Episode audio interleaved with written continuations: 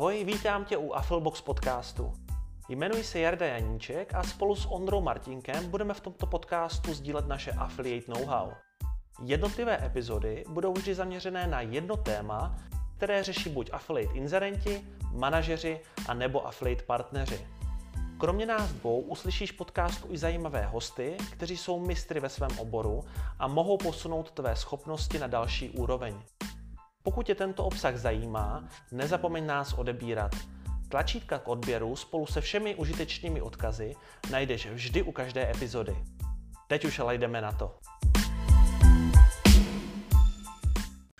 Ahoj, vítám tě u dalšího dílu Affilbox podcastu. Vítám ke mně i Ondru. Ahoj Ondro. Ahoj. Tak, eh, my se dneska podíváme na jednu velmi důležitou věc pro začínající afiláky, ale předtím ještě máme jednu technickou a to je to, že jste si asi už určitě všimli, že jsme teďka měli delší pauzy v podcastech. Budeme trošičku měnit ehm, to vlastně tu četnost těch podcastů.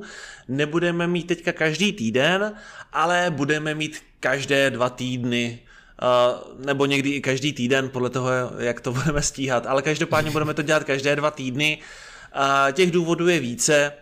Uh, myslím si, že ty dva týdny jsou taková akorát doba. Ty podcasty budeme pořád se snažit držet v tom hodinovém rozmezí nebo hodinu a něco, jak nám to, jak nám to vyjde. Takže jenom, abyste nebo s tím nevíde. počítali, nebo nevíde, přesně tak. Takže abyste s tím počítali. Tak, pojďme se podívat teda na to dnešní téma. Dneska se podíváme na to, jak vybrat níž na nový affiliate projekt. Pokud se nějakým způsobem už zajímáte o affil, chcete začít podnikat v affiliate marketingu, tak asi už zhruba víte, co to ta níž je, už jste to někde slyšeli. Pokud jste to ale neslyšeli, tak v biznisu obecně eh, se níž nazývá nějaký okrajový trh, nějaký okrajový segment, který je možný vlastně tou firmou nebo tím projektem, tím biznesem obsadit. A v tom affiliate marketingu to znamená velmi podobnou záležitost a je to v podstatě jakoby nějaké téma nebo nějaké združení témat, které je možné obsadit právě obsahem, na což se vlastně budeme my i dneska zaměřovat. Takže níž, eh, někdy se tomu říká počeštěně i nika. A jo, a vynechal jsem něco, Ondro? Ne, pokračuju klidně dál, nemám co dodat. Dobře. Uh, tak, uh, proč vybrat nějakou níž a ne nějaký obecný projekt eh, se širokým záměrem? No, a jsou tady v podstatě jakoby dva přístupy k tomuto. Buď si můžete vybrat níž, teda nějakou tu svoji, mm, nějaký ten svůj segment, nějaký ten váš úzký segment a na něj se specializovat, a nebo si můžete vybrat nějaký jakoby široký segment, nebo řekněme nějakou takovou všeobecnou webovku. Třeba, já nevím, kdybych e, dal nějaký pří, příklad, tak třeba uh, níž by byla recenze praček, CZ třeba, a ten projekt se širokým záběrem by byl třeba všechny recenze CZ. Jo, takže vlastně jakoby uh, ta, ta specializace tady jakoby někdo, někdo preferuje právě si vybrat tu níž, někdo preferuje si vybrat ten projekt se širokým záběrem. Uh, Ondro, co ty preferuješ víc? Ale na rovinu, já jsem vždycky začínal s těma širokýma záběrama, protože, no, s tím širokým tématem, uh-huh. protože mě nenápadlo na rovinu použít nic jiného, takže jsem začal s něčím jako velkým typu bydlení, opravdu jako začátku, takhle velkým. Uh-huh. A až pak v podstatě v průběhu jsem se začal spíše specializovat na ty menší celky, které jsou jako jednodušic uchopitelný. Na druhou stranu mají výhody, nevýhody, ale to si samozřejmě rozebereme v tom podcastu, v tom minutém díle. Uh-huh. Ale za mě spíš dneska preferuju ty níž, byť historicky mám pár jako velkých jako tematických webů, které vlastně jako nabobtnaly za ty roky, protože ten záměr prostě už se nedal změnit. To je právě ono, už to zas tak moc jako neohnete v průběhu toho času. Uh-huh. Souhlasím. Co ty? Já to mám uh, velmi podobně. Já uh, volím vlastně, což asi ty taky, takovou nějakou jako v úzovkách střední cestu, kdy uh, není to úplně mikroníž, Uh, to znamená nějaký třeba růžový boty na podpadku, ale je to nějaká, jo, přesně tak, ale je to nějaká, mm, je to, je to by nějaký, nějaký segment, uh, nebo uh, nějaká jakoby nadřazená níž, té mikroníž. No a já myslím, že do toho teďka nebudeme zabředávat, spíš si pojďme povědět vlastně, uh, jaký jsou ty parametry toho výběru té níž, a tam budou vlastně všechny ty otázky, nebo všechno to, co jsme teďka načali, tak tam vlastně ještě probereme velmi, uh, velmi podrobně. Takže pojďme se na to podívat.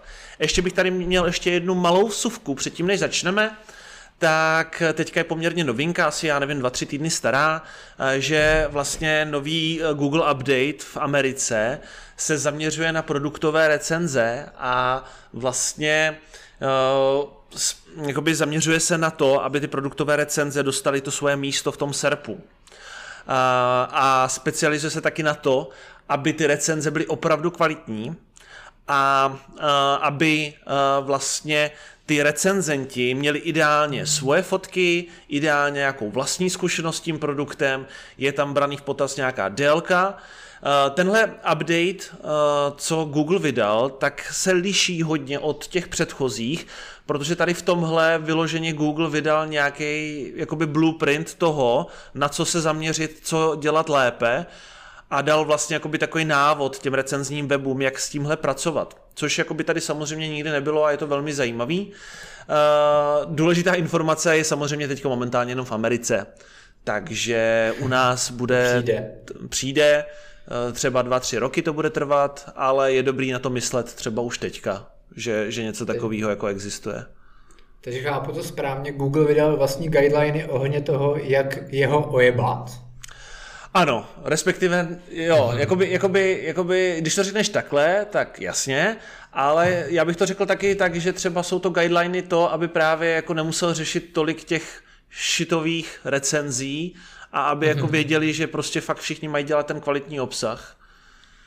Ale jako jasně, je to, jo, je to v podstatě to, co říkáš, jako jo, vydal, vydal vlastně jako... otázkou, když no. on to vydal ven, tak jak, jak s tím jako pracovat? Ono v podstatě, on to, že to jako vydal veřejně, tak to vydal s nějakým záměrem za mě a nejsem hmm. si úplně jistý, jestli bych se nutně chtěl stoprocentně do toho trefit a jako řídit se tím, protože může to být i vlastně naopak přesně pattern, který, po kterém on půjde, ať už pozitivním nebo negativním smyslu, uh-huh. který do budoucna může samozřejmě jako podchytit. Takže byl bych opatrný, v, jako prošel bych si to, zkusil jako se tomu nějak jako přiblížit a snažil bych se asi to nedělat vlastně jednaku jedný, uh-huh.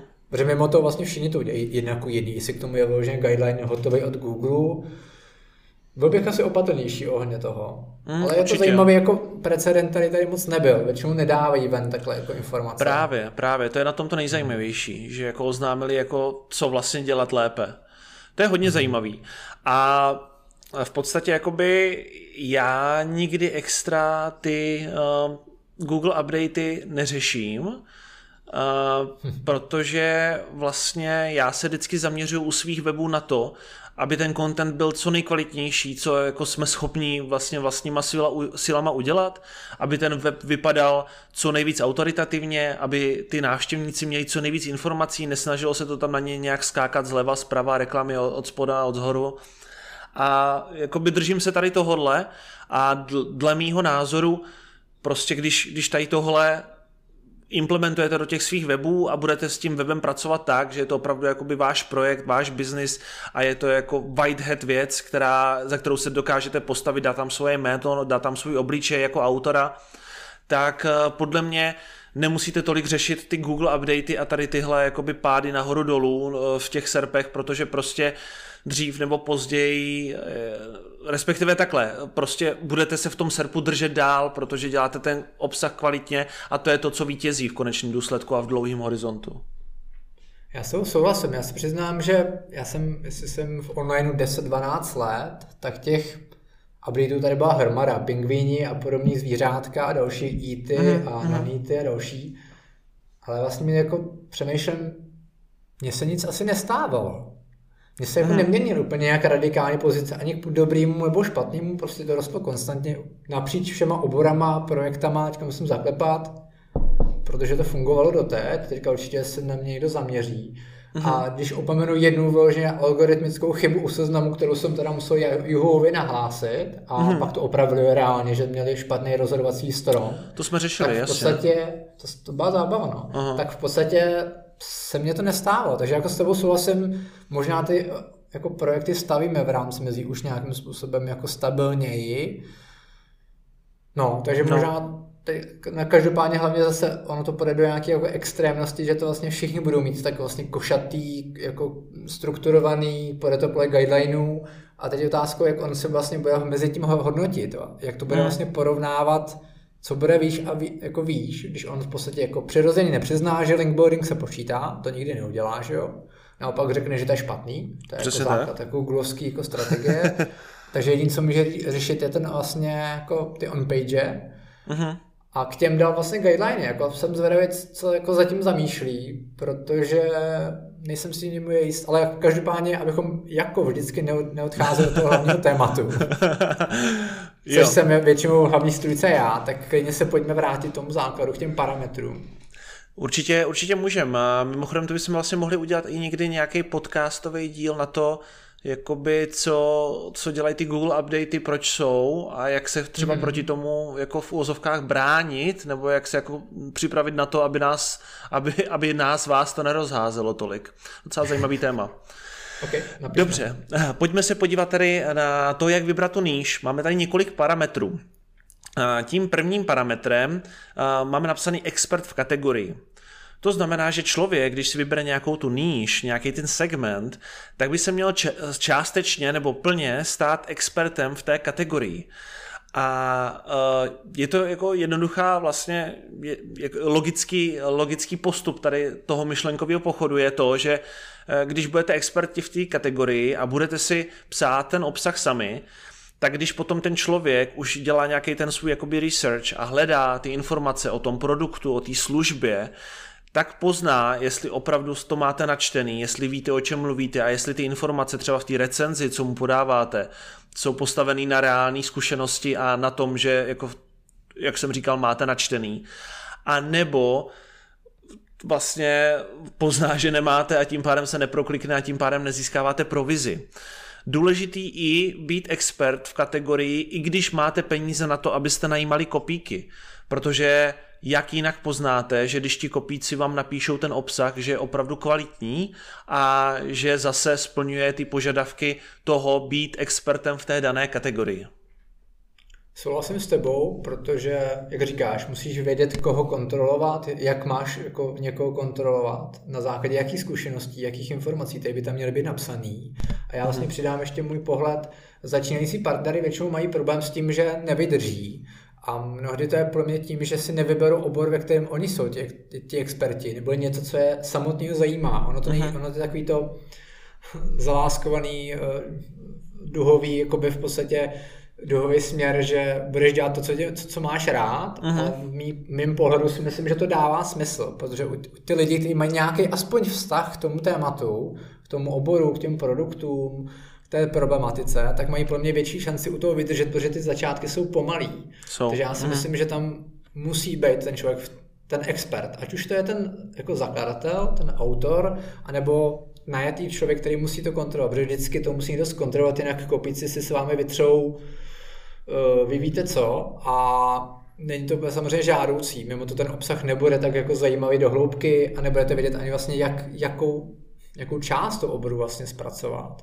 Uh-huh. Takže tohle jako podmínka v podstatě, abyste dělali, dali jako níž, protože musíte vědět, o čem budete konkrétně psát.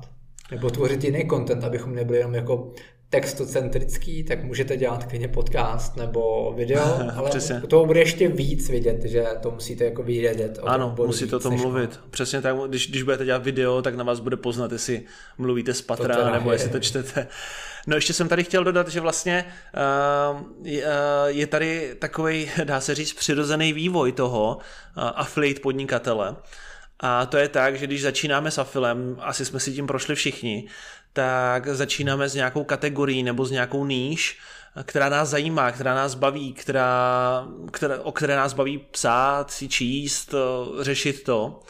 A jakmile zjistíte, že už jste vydělali nějaký peníze a už se v tom pohybujete nějakou dobu, tak potom většinou skočíte po té níž, která třeba není až tak zajímavá, ale vydělává vám peníze, protože už umíte vlastně vytvářet ty weby, umíte vytvářet ten obsah, víte, co má Google rád, co Google nemá rád a potom je vlastně víceméně i škoda nevyužít ty znalosti a vědomosti a to know-how a nejít do té nějaké zajímavější, jako peněžně uh, zajímavější niky. Souhlasím. Jeden známý český afilák má, má vlastně přísloví nebo směr follow the money. Mm, mm. A v tom je v podstatě řečeno vše, bohužel, bohu dík, to je relativní, každý má vlastně tu, ten, to měřítko jako postavené jinak, ale v rámci toho biznesu to prostě dává smysl. Mm. Neboli jít po kategoriích, ve kterých jsou peníze. Přesně tak. A pak jsou tady ještě takové jako otázky, že když už do toho webu investujete tu, ten čas a tu práci, jestli se to nevyplatí rovnou dělat v zahraničí, v angličtině, protože je to v podstatě víceméně jako podobná práce, jenom je její víc. Ale to už jsou potom otázky, na které se člověk musí jako eh, si v podstatě odpovědět sám, nebo si jako říct, co chce dosáhnout. Český trh podle mě je pořád velmi otevřený a je tady spousta velmi lehkých témat, nepokrytých témat a pořád tady člověk s velkým projektem, který nastartuje dneska, dokáže uspět bez problémů. Rozhodně, já jsem trošku vzal téma do nějakého dalšího, dalšího povídání právě o té expanzi, že vlastně ta jedna hmm. nika je v Česku dobrá, ale přesně v zahraničí může být ex- mnohem, mnohem zajímavější. Možná se vám dokonce v Česku nepodaří nic jako získat, hmm. vydělat návštěvnost, ale právě v zahraničí by to bylo mnohem jednodušší, nebo by vám mohlo být jako pomoci to, že se to naučíte v Česku a, začnete, a začnete jakoby s nějakou expanzí v zahraničí, byť můžete to udělat i v obráceně, to je mm-hmm. otázkou. Souhlas, souhlas. OK, pojďme se podívat na další parametr, který je důležitý při výběru niky a který my používáme. A je to ten, co jsme říkali na začátku, ta šířka té niky. Uh, je vlastně obecně a to říkám z mý vlastní zkušenosti, dobrý hned ze startu myslet do budoucna a vybrat si niku, která je dostatečně velká na to, aby se o ní dalo psát měsíce nebo roky. Já jsem osobně měl pů, můj původní web, který byl polévkafo.cz, to je můj první affiliate web, už neexistuje, takže ho nemusíte googlit. A uh, je to jako, bylo to něco, co mě fakt bavilo, dávat si polívku fo, a závitky. A rozhodl jsem se, že na to udělám web. Hezký koníček. No, přesně tak. Jenomže samozřejmě jako eh, napsal jsem na tom webu jako co je fočko, eh, jakým způsobem se to připravuje, jaký jsou druhy a tím to nějak jako ta nika končila, tam jako nešlo už potom moc jako dál růst a hlavně samozřejmě tam nebyla žádná možnost monetizace toho obsahu v té době. Respektive byla tam s jedním inzerentem, ale to, to nějak nedopadlo dobře. Takže, takže vlastně jakoby můj první web byl, že jsem právě šel na to, co se vždycky doporučuje, být expert v té dané kategorii, nicméně ta šířka Niky právě nebyla jako vhodná a tím pádem jsem se posunul toho webu dál pryč a ten web zaniknul. Ale je jako dobrý si tím projít podle mě, protože, uh, protože vlastně člověk se tam naučí aspoň ty další věci, jako jak dělat link building, jak dělat SEO, jak dělat uh, s WordPressem, jaký jsou dobrý pluginy, jaký jsou dobrý šablony. Je to v podstatě takový ten, vždycky ten, nebo ne vždycky, ale často ten první web je takový jako testovací, takový otloukánek. Souhlasím, já jsem to měl úplně stejný. Já jsem začínal, myslím, že na módním magazínu, ten ještě funguje doteď, možná jsem mi dokonce prodal, mm-hmm. ale po roce a asi 20 tisící do obsahu jsem zjistil, že to vlastně jako nic nedělá a tady jako navážu, ono to nebylo problém šířky Niky, tam byl problém, že to nebylo, ten obsah nebyl monetizovatelný vůbec, v té mm-hmm. době hlavně, to je mm-hmm. jako 10 let zpátky. Takže za mě k té šířce, kterou musíte na začátku už trošku promyslet, aby nebyla moc úzká, naopak zase, když bude moc široká, tak se to vlastně ta síla rozmělní, nemůžete se tam dobře rankovat, ale to je věc, kterou budeme řešit dál. Mm-hmm. Tak já bych ještě doplnil, že ta nika musí být monetizovatelná. Což spíš odpovídá ta, tomu té polevce, protože vlastně v začátku tam by musel být nevím, porovnávač FO restaurací s PPC modelem, který bude převádět zájemce, ale nejsem si jistý, jestli to je úplně validní obor. Mm. A, na to, a my jsme to spolu řešili, asi, asi to úplně nesedlo tehdy. Ale souhlasím s tebou, ten začátek je důležitý, že za si zkusíte něco, dobře zjistíte, že to nefunguje, tam je ideální se z toho poučit, ale většinou se říká, že máte jako dělat chyby, ale v podstatě samozřejmě přijdete na to, co nefunguje, to je hezký, ale vy samozřejmě potřebujete ten opak. Trefit to, co funguje a to, to násobit, ať už v jednom oboru, v té nice, nebo uděláte jeden web o dobře, nebude to polevka fo, ale kněte ty růžové boty na podpadku a když se to bude dobře rankovat, tak buď půjdete ve, vejš, vlastně půjdete jenom do bot, anebo uděláte další web na růžové boty na podpadku. Uh-huh. Protože už jste jednou udělali, můžete vytapetovat SERP, když budete chtít trošku být nepříjemní. Uh-huh. Ale funguje to jako určitě. Takže tam ještě k té šířce bych dodal, že to musí zároveň být jako monetizovatelný, jak ta šířka, tam, jako, nebo tam právě naopak maličkost, ale vůbec ta samotná nika. Souhlasím. Souhlasím. Mně se tam líbilo, jak jsi říkal, uh, to, to chybování. Mně se právě líbí ten názor na to chybování ten, že vlastně když jakoby uh, uděláte nějakou chybu nebo se vám něco nepovede, tak jste jakoby přišli na to, že je další způsob, kterým to nejde. že to není úplně, úplně takový to, jako to, to růžový, jak se všude v těch motivačních knihách říká, že, jo, že často chybovat a hodně chybovat a, a, a několikanásobně. Já, já si myslím, že je to většinou, jako, že jste našli cestu, kudy to nejde. No, ale tak to, to už zase se dostávám do té do, do filozofie. Ale každopádně, jak říkal Ondra, jak zmínil už ty růžové boty na podpadku, tak eh, pravděpodobně tohle je příliš úzká nika, kde vy jste hodně omezení tím, že budete vyloženě muset psát a třeba dělat katalog jenom na ty eh, boty růžový na podpadku. V případě, že byste chtěli o trošku výš a co je ta jakoby šíře nika, niky, kterou já bych třeba zvažoval, tak jsou boty na podpadku, kde nejste o, vlastně jakoby omezení tou barvou, ale můžete psát o botách na podpadku, jako mnohem víc toho napíšete o botách na podpadku a jako stanete se tam docela dobře experty tady v tomto oboru, když jestli jako nějaký experti vůbec v tom existují. Guru přes podpadky. Přesně, přesně. A pak ta úplně nejvyšší je, jsou boty. Ale tohle je podle mě už právě taková jako moc široká nika, ve které se těžko budete stávat experty a vlastně jako ve které budete těžko mm, servírovat ten obsah správně těm vašim návštěvníkům. Eh, protože když vlastně tady, tady se potom do toho, do toho dostává třeba i to z nějaký schromažďování komunity kolem toho webu, kolem toho tématu, kdy vlastně, když byste začali schromažďovat komunitu kolem bot na podpadku, tak asi víte, že zajímají boty na podpadku a ten content, kterým budete servírovat třeba do e-mailu nebo push notifikací nebo cokoliv, cokoliv dalšího, tak může být směřovaný tímto směrem. Jenomže když ho budete mít na boty, tak nevíte, jestli oni schánějí pohorky, jestli schánějí boty na podpadku, jestli schánějí barefooty, jestli schánějí, jo, takže je to tam jako, je to strašně jakoby široký, rozmělněný. Takže ideální, jak jsme říkali na začátku, nějaká ta střední cesta té šířky. Já jenom doplním, u těch jednotlivých nick můžete pracovat i třeba s brandama, který mnohdy můžou být i trošku kontraproduktivní. Já si to stáhnu na počítače, kde vlastně odvěký boj mezi Applem a Microsoftem. Uh-huh. A velmi pravděpodobně nebudete mít eh, nejlepší výsledky, když budete mít jeden web o Apple a zároveň o Microsoftu, protože pro, zrovna pro tyhle znesvářené situace, jakoby stoupence, nebo fanoušky, nebo sledující, se to bude mlátit. Byť právě ten rozpor je zajímavý v komentářích, že se budou hodně hádat, nadávat a zase to je hodně obsahu, hodně zobrazení. Otázka, jak to bude konvertovat zrovna v Afilu.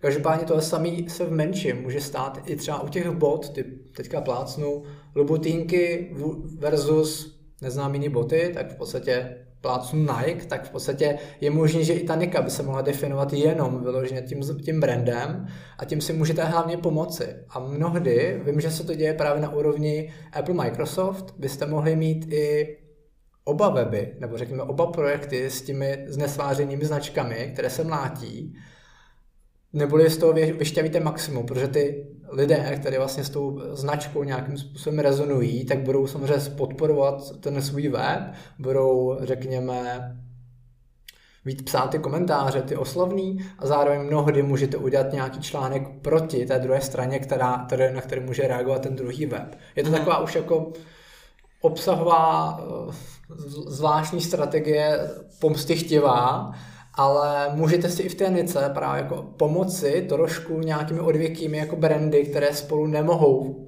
koexistovat na jednom webu, protože vlastně mhm. ty stoupenci by vás roztrhali. A třeba si z toho taky něco jako vezmete v rámci jako trafiku, protože je to zase trošku jiná, jaká, jiná práce s tou komunitou. A už, a to je právě ono, vracíme se k tomu. Musíte být expert, abyste věděli tyhle zákonitosti v daném oboru, jo. že nemůžete vymodlit vlastně jednu značku a druhou v jednom článku, protože se nesnáší z nějakého důvodu konkrétního. Mm-hmm. Takže všechno se vrací v tom koru, v tom začátku, abyste to, abyste to znali a mohli využít nebo zneužít právě těch situací, které ty, uživat, ty uživatelé zvenku vůbec netuší. Mm-hmm. Souhlas, souhlas. Další parametr, který máme, na který se díváme, a, tak je konkurenčnost Niky. Samozřejmě jsou tady nějaký nízkokonkurenční a vysoce konkurenční niky. Obvykle se tyto niky oddělují na základě toho, jaký je z toho vlastně odvětví nebo z té niky potenciál budoucího výsledku zisku. Uh, nízkokonkurenční mm, mají nějaké výhody, nějaké nevýhody. Mezi výhody můžeme řadit to, že to je právě malá konkurence, že máte poměrně rychlý vstup na trh a rychle dokážete získat nějaké provize, ale jakoby je tam pravděpodobnost toho, že budete mít nižší výdělky z celého odvětví. Pro začátečníky se pravděpodobně více hodí nízkokonkurenční nika, kde vlastně nebudete bojovat proti těm velkým hráčům, proti těm velkým institucím a jste schopni si tam udělat nějaký peníze a nezačne vám to tak rychle vlastně lést krkem, jak kdybyste se snažili dostat třeba, já nevím, do plácnu finančnictví a neuvidíte přes rok žádnou provizi, protože prostě v tom serpu jste nejste schopni se probít. Uh, Rozhodně, za no. mě, no. já bych taky začínal na nízkokonkurenčních hmm. oborech, protože na tom začátku si potřebujete sáhnout ty provize. Oni nem, tam nejde o to, že to jsou peníze, jako že si za něco koupíte, ale spíše to je nějaké jako vnitřní potvrzení toho, že ta vaše aktivita, která prostě obnáší hromadu nového učení, hromadu času, takže vlastně opravdu má nějaký výsledek. A určitě je lepší si sáhnout aspoň na menší jako provize, a teprve v úzovkách pak, až získáte i trošku jako sebevědomí nějaký podnikatelský, tak jít do těch konkurenčních oborů. Protože aspoň máte za sebou nějaký jakoby track record pro sebe vnitřně a jste schopný se obrnit, že na začátku to je pomalu a máte jako mě jako větší šance se udržet v tom oboru a on to platí asi v celkové v podnikání. Určitě. Myslím, že v angličtině tady tomu se říká proof of concept. Takže vlastně jakoby nějaký ověření toho, že opravdu ten afil funguje, že to není bullshit a že vlastně jakoby se dá s ním vydělávat a že prostě je s ním možnost si opatřit tu eh, finanční svobodu nebo tu nezávislost na, na jakoby nějaký třetí osobě. No a, a vysokokonkurenční niky, tak samozřejmě velká výhoda jich je, že je tam potenciál velkých příjmů, takže když jakoby vydržíte to počáteční období, což může být klidně třeba dva roky, tak potom zase, pokud jako opravdu na to máte čas, máte na to peníze a jste odhodlaní, že se do toho serpu probijete, tak samozřejmě po nějaký době jste schopní z, tady z, toho, tady z těch vysoko konkurenčních odvětví udělat opravdu velké peníze. A, a ta nevýhoda teda, jak jsem říkal, to je vlastně to velmi obtížné vstoupení do toho trhu a boj s těma hráčema, kteří na tom trhu už jsou a určitě investují nemalý peníze do toho, aby se na těch pozicích, na kterých jsou, udrželi. Mě zajímá, jak se začínal ty?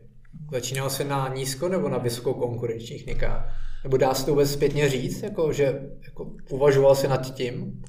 No, uvažoval jsem nad tím, upřímně.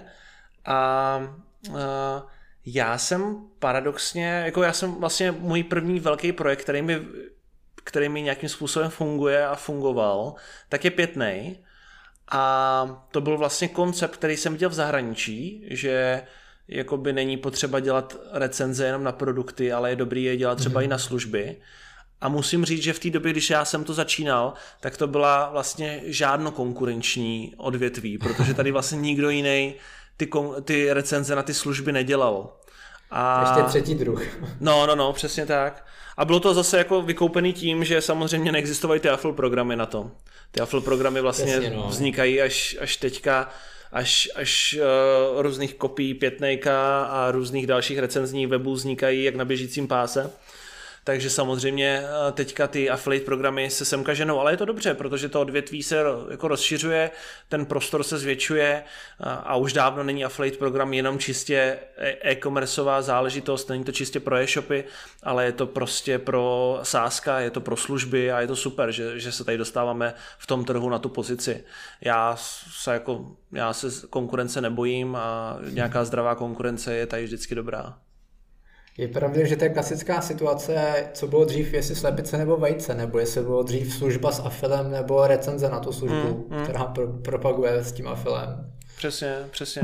Já teďka ty projekty, co třeba začínám uh, simultánně vlastně k tomu pětnejku, tak třeba já se vůbec nedívám na to, jestli existuje nějaký afil program k tomu, ale dívám se na to, jestli je tady potenciál toho, aby to mělo vysokou návštěvnost a říkám si, že když já budu mít na tom webu vysokou návštěvnost a bude hodně oblíbený, takže už mám jakoby nějakou tu páku na to vyjednávání přímo s těma firmama, s těma e-shopama, na to, aby si ten affiliate program zřídili. Je pravda, že to mám podobně, byť já se tomu tolik už nevěnu těm novým projektům, ale Mám taky pár, který mám v fotovkách jako srdcovky, který rozvíjím, u kterých není momentálně ani možnost eh, nějakého afilu, není určitě uh-huh. afil stavený na ten obor. A ani mě to vlastně nevadí, protože právě já tam v podstatě budu obsah, kupuju domény, expirovaný link building, eh, vytváří se hromada nových článků, hlubokých, dlouhých, pět normostran, klidně deset, to je jedno.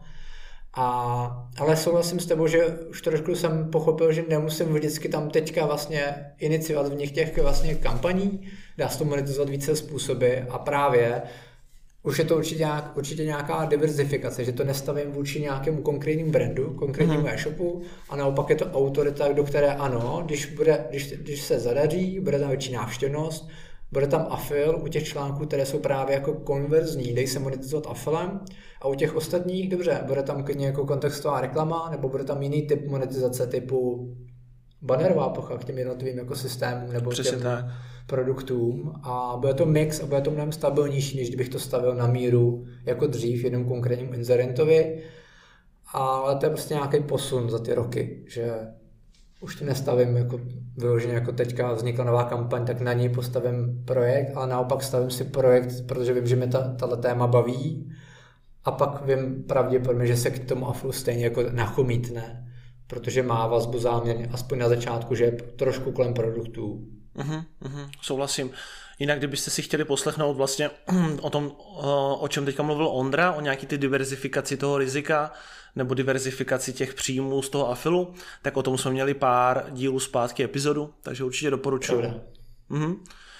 No a uh, co jsme ještě tady vlastně měli zmínit je, že na málo saturovaných trzích, uh, myslím tím affiliate trzích, jako je třeba právě Česko, Slovensko, uh, východní Evropa, tak se může stát, že je nějaká nika, která třeba v americkém trhu, na zahraničním trhu, kdekoliv jinde na zahraničním trhu funguje skvěle a hodně vydělává peněz a v Česku je naprosto nepokrytá.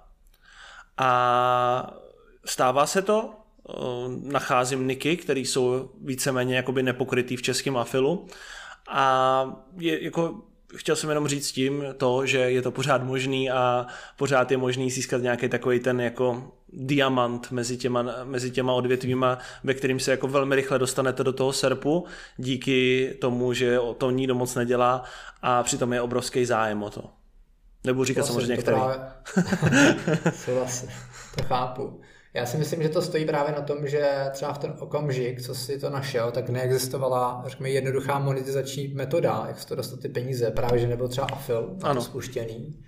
A, ale to je právě ono, musí se na tom naopak, jestli, jestliže se dá jako získat návštěvnost, tak se musí vybudovat ten web, projekt, jedno jak to nazvem, a teprve pak vlastně s tou silou, kterou už máte na to vyjednávání, můžete jít za inzerentem a říct, hele, já mám XYZ návštěvnost, ale brand, jsme tu nějak dlouho, pojďme vymyslet v podstatě nějaký jako privátní deal, což může být taky cesta, jít jako napřímo k tomu incidentovi uh-huh. a mít program jenom s ním, protože jako z mý zkušenosti ten nejzajímavější a právě mnohdy ani nemáte jinou možnost. V sítích typicky takhle programy nenajdete, protože pro ně jsou maličký. V síti mohou mít i hlavně nějaké jako limity na vstupy, uh-huh. typu 200 objednávek měsíčně, 2000, netuš, netuším aktuálně, každá to má hlavně jinak. Uh-huh a ty mnohdy ty e-shopy nebo ty služby budou mít jiný představy ohledně té jako vstupní nákladové část, jako části, takže napřímo to může být pro ně mnohem jednodušší a samozřejmě tady se nabízí i ten Afflebox, protože z mý, z mý zkušenosti máme vyloženě i privátní programy, že si partner šel k inzerentovi ze své síly nebo ze svého webu a domluvil se s ním napřímo kampaň, kde je jenom on. Ano. A má s nimi výborné zkušenosti a vím, že budeme připravovat ještě nějakou případovku na tohle téma, protože těch jako situací, kdy to dává smysl pro to inzerenta a pro partnera, je víc. A i pro to inzerenta je zajímavý, že do budoucna, když to věří s jedním, tak pak v podstatě může v nějaké míře převzít vlastně ten program a pokračovat s tím stávícím velkým hráčem a může tam dát i další. Nebo se stane to, že mu stačí ten jeden. To je právě ta zábava, že ten trh se nějakým způsobem konsoliduje a vy nepotřebujete tisíce partnerů, vy potřebujete tři zajímavý, anebo klidně jenom jednoho, který je jako dominantním mm-hmm. monopolem. Takže tomu se určitě v budoucnu budeme věnovat ještě. Souhlasím, souhlasím. Já třeba, když o tom tak mluvíš, já do dneška mám privátní Affilbox pro určitý kampaně. Pokud vím, tak ty máš taky. Takže, mm. takže určitě, určitě to jako existuje, děje se to a není to, není to nic jakoby neobvyklého. hmm. To je, to je zajímává věc. Vlastně i Eh, pro vás, pro, jako partneři, teďka mluvím k partnerům, tak v případě, že máte nějaký web právě už jako vytvořený, máte tam nějaký traffic a nemáte tu monetizaci, potřebujete tam dostat nějaký e-shop, tak my to klidně a rádi zařídíme za vás. Stačí nám říct, hele, potřebujeme affiliate program o tady toho e-shopu, aby jsme mohli propagovat na našem webu. No a my to zkusíme s tím e-shopem domluvit. A, a dokonce tady na tohle přímo, abyste byli schopni nám nějakou tu zpětnou vazbu nebo tady tyto typy dávat, tak přímo na to v Partnerboxu, což je naše partnerská aplikace, tak tam přímo máte eh, kolonku tip na kampaň a tam nám můžete dát vědět o nějakém tom e-shopu, který chcete získat, nebo ne získat, ale do kterého chcete vstoupit a chcete je propagovat přes affiliate program, tak my rádi zkusíme eh, jim ten affiliate program pro vás zařídit. Super osý mustek, který mě původně vlastně nenapadl, ale je pravda, my jsme to ještě neposlali ven, takže... My jsme to ještě nepostovali. Někde jsme, aspoň někde jsme to zmínili, že ta funkce tam je. Já už to na ty socky dám zítra. Dobře. Slibujem. Slibujem. Hele, a jdeme dál. Další strašně důležitý parametr, na který se dívat a který jsme zmiňovali asi snad jako asi v pěti dalších podcastech, mm-hmm. je nějaký trend, která, který v té, v té nice je Eh, je potřeba se dívat na ty trendy, eh, logicky si je nějakým způsobem odůvodnit. Eh, je dobrý se i podívat třeba na Google Trends, na to, jaký klíčové slova třeba jsou spojený s, tím, s tou vaší nikou a jestli je zájem o ně klesající anebo rostoucí. Příklad jsme uváděli určitě v jiným podcastu, třeba můžou to být jakoby vypalování DVDček. Řekněme, že před dvěma, třema rokama, možná díl, já fakt nevím, tak vypalování DVDček byl strašný určitě hit, kdy se prostě kupovaly vypalovačky, kupovaly se DVDčka a bylo to strašně zajímavá nika určitě. Akorát, nevím, možná ne. No, každopádně třeba řekněme, že to byla strašně zajímavá nika. A asi je vám jasný, že v dnešní době už jako s vypalováním DVDček a s DVDčkama už jako moc nepochodíte. Jedna kvůli tomu, že jsou Blu-ray a druhá kvůli tomu, že se to všechno přesouvá postupně na nějaký subscription modely eh, na, do, do, do vlastně na internet eh, typu Netflix, HBO, Amazon Prime a tak dále.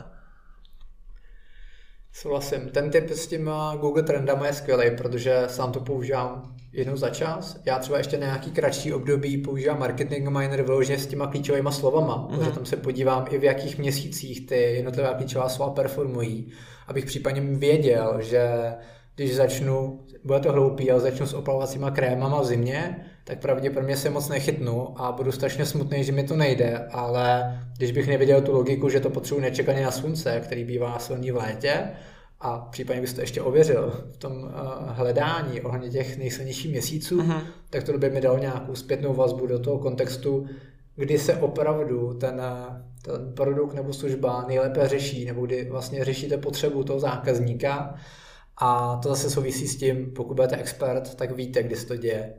Ano, přesně Takže pokud budete expert na opalovací krémy, tak budete skvělý v létě. Nebo na vypalování DVDček. Ne, nebudete. Ne, ne. Dneska jsem si aktualizoval zkušenosti, že v létě se neprodávají aplovací krémy, protože všichni mají nakoupený z jara, když se objevilo to první silný sluníčko. To je zajímavý. To, to je, v rámci to trendu Econej, co teďka budu dávat partnerů. Mm-hmm. A Ono to vlastně dává smysl, to přirození, protože většinou si koupíš jeden jako opalovák a ten ti jako vydrží na tu sezónu. To znamená, že to nekupuješ většinou v půlce sezóny, pokud nejsi Tatar. Ale pravděpodobně ještě předtím, než začne, nebo když vznikne tam prvotní situace, kdy je první silný jarní sluníčko, na který já třeba se svojí sluneční alergií reaguju a v ten moment se řeší jako opalovací krémy a ty nákupy na tu sezónu, což jsem nevěděl, takže evidentně nejsem jako trendsetter a guru na opalovací krémy, ale aspoň mám nějakou zpětnou vazbu a zjistím si to případně. To je hodně zajímavý, to, jsem, to bych čekal právě, že v létě by se to mělo prodávat, ale tak jako dává to smysl a to je přesně to, mm. co jsme vlastně říkali, že, jo? že si to musíš ekologicky nějakým způsobem odvodit a třeba podívat se na svoji rodinu a zeptat se jich jako na, na názor třeba jako jestli s tou Nikou mají zkušenost, kdy to řeší, kdy to začínají řešit, kdy o tom začínají přemýšlet. Protože vlastně oni dají jakoby víc těch názorů a z toho je taky možný si poskládat nějaký svůj názor. Souhlasím, já tady jenom dodám, že jsem úplně zapomněl, co jsem chtěl říct, že nic nedodám na rovinu. Dobrý. Třeba si vzpomenu jindy. Vzpomeneš si a na konci to řekneš, to vykřikneš. Je. No a my teďka tady máme takovou sekci, to říkáme Rady od Ondry a Jardy.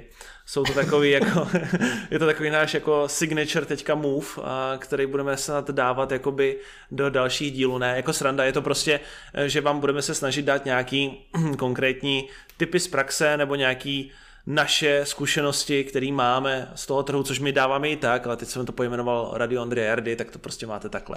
No, každopádně, první rada. Když si vyberete tu niku a jste rozhodnutí, že do ní chcete jít, tak začněte budovat ten obsah. A ačkoliv se vám to bude zdát jako dobrý nápad po třech, čtyřech měsících začít budovat další web na jinou niku, tak to nedělejte. A spíš se opravdu soustřeďte na to niku, věřte jí a překonejte ten, jak se tomu říká, jak se, jak se tomu říká tomu efektu, že, že next, next shiny thing, nebo jak se tomu říká, když člověk skáče na, na to, co je nový a zajímavý. Nevíš? Já přesně vím, co myslíš, ale jo. neznám ten jako to označení. Ale Jasně, no prostě nepřeskakujte na to, co určitě je teďka nový a hezký a sexy, protože na začátku vám ta sexy připadala ta nika, na který teďka pracujete. Je to jenom to, že jste zabředli do té práce a je tam potřeba tu práci udělat a není dobrý skákat hned na začátku na nějakou jinou niku. A počítejte s tím, že se vám to určitě bude honit v hlavě, eh, obzvlášť, když vám to třeba první 3-4 měsíce nebude vydělávat peníze. Já tady doplním, přesně podívejte se na tu trendovost, aby se, abyste se netrefili s lyžema do léta a podobně. Mm, jo, jo, souhlasím. Každopádně já navážu, s tou jedničkou souvisí to, že musíte něco budovat soustavně a jak obsah, tak eh, zároveň i link building, protože je hezký, že se říká, že obsah je král, ale zároveň se nedodává, že link building je královna. Mm. A bohužel v ty vyhledáče opravdu fungují v rámci mezu, mezí na obsahu a na těch jako referenčních odkazech zvenku nebo těch zmínkách, které určitě od začátku stejně pracujete s linkbuildingem, vymýšlejte, kdy získáte odkazy, ať už placený nebo neplacený, ať už v rámci výměn, nebo kupovaných PR článků, nebo odchytávání expirovaných či smazaných domén, nebo nějakého podobného jiného typu. Můžete se případně inspirovat v našem podcastu o linii ringbuildingu. Přesně tak. Takže určitě neskákejte z Niky a věnujte se u ní nejenom obsahu, ale i linkbuildingu. Mm-hmm. Super.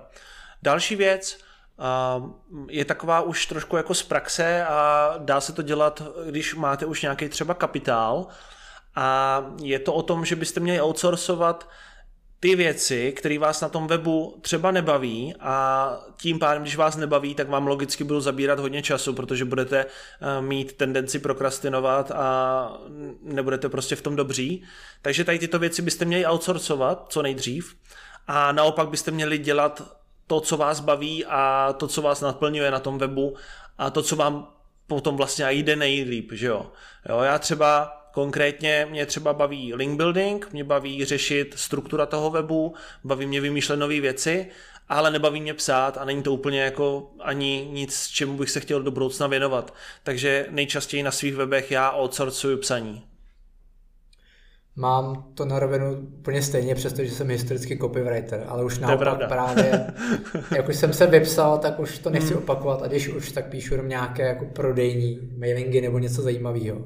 Já navážu, abychom to neprodlužovali, protože mm-hmm. máme zase klasicky skoro hodinu a doplním, pokud máte nějaký hlavní příjem mimo affiliate, tak zkuste v podstatě to trošku zlomit a ty peníze vracejte do toho projektu a do jeho růstu. A to ne, nemusí souviset ani s nějakým vedlejším zdrojem příjmů, ale vůbec s příjmy toho projektu. Neboli na začátku za mě zapomeňte na ten přístup, který se v rámci affiliate nebo podnikatelské komunity dost zmiňoval, což bylo profit first, neboli mm-hmm. Je to kolem nějaké knížky od nějakého konkrétního autora, doplníme do, vlastně do nějakého bia toho podcastu. Mm-hmm. Každopádně ta logika pracovala s tím, že ať už se v tom měsíci nebo daném období daří jakkoliv, tak nejdřív si vlastně vy vezmete předem danou část toho řekněme, zisku, toho příjmu Aha. a až pak vlastně platíte ten zbytek.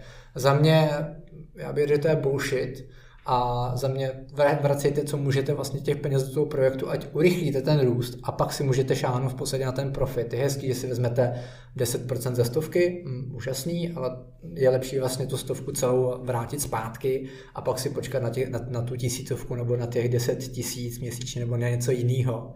Přesně tak, k tomu snad ani nemám co dodat. Je prostě dobrý fakt tom, aspoň z toho startu, tam do toho vrážet veškeré ty peníze a hlavně pokud máte ten příjem mimo afil, že jo? protože eh, když eh, jste jakoby odkázeni na ten afil, tak eh, samozřejmě jako si něco vytahujte, ale je vždycky lepší prostě tam do toho projektu vracet, co, co se dá. Tak poslední rada, kterou vám tady dneska dáme, pokud pracujete na projektu roka více a máte naštěvnost desítky tisíc a, a nic vám to jakoby nevydělává, je něco špatně buď s monetizací, anebo nikou. Je, není vlastně žádná, jakoby, není žádný shame, není žádná, není, není nic jakoby špatného na tom, po roce nebo po dvou letech si říct, že ten projekt prostě nemá smysl a opustit ho. Jo? Určitě e, je potřeba projít si ty možný monetizační modely, vyzkoušet to, e, vyzkoušet opravdu, co se dá, ale jako v nějakém bodu je dobrý si říct, hele, bere mi to stejně čas energie jako třeba každému jinému afilákovi, nicméně oni vydělávají třikrát, čtyřikrát víc než já. Je na čase ten web zabalit a buď prodat někomu, kdo třeba bude chtít vydělávat AdSense, a nebo uh, to prostě zabalit a nechat to, nechat to jako nějak tak jako na autopilota a věnovat se něčemu jinému. Souhlasím, na rovinu tam asi nemám taky co dodat. No. V podstatě buď to prodejte, nebo počkejte, že, že se to sedne samo a napadne vás něco lepšího, nebo pokud to nechcete řešit, tak vlastně oslovte přímo konkurenci, prodejte jí to. Je to nejjednodušší řešení, než to jako dávat na web, kde mnohdy nemusíte podchytit ty konkrétní správní lidi, kteří jsou ochotní za to zaplatit tu správnou cenu. Takže za mě v tom daném oboru oslovte konkurenci a prodejte jí to když mm-hmm. nemáte na to tu trpělivost. Prostě něco jste se naučili, něco jste získali a zase vás to posune dál. Přesně tak. A když jste schopni vybudovat web eh, s několika tisícovou návštěvností, máte zvládnutý SEO, máte zvládnutý link building, je dobrý vzít to know-how z toho, z té niky, která nevydělává a posunout ho do nějaký niky, která je prostě zajímavá a jak jsme říkali, vysokokonkurenční nika, ve které vám bude dlouho trvat se probít, ale jak se probijete, přijdete si na pěkný peníze. Přesně tak. Tak jo, tohle je z našeho dnešního dílu všechno. Budeme určitě rádi, když nám dáte vědět, jak třeba vy vybíráte niky, nebo nám řeknete, že jsme úplně se zbláznili, že takhle to určitě nevybíráte. Každopádně za každý komenty, jakýkoliv ohledně tady toho tématu budeme strašně rádi. a uslyšíme se pravděpodobně za 14 dní zase. Ahoj. Ahoj.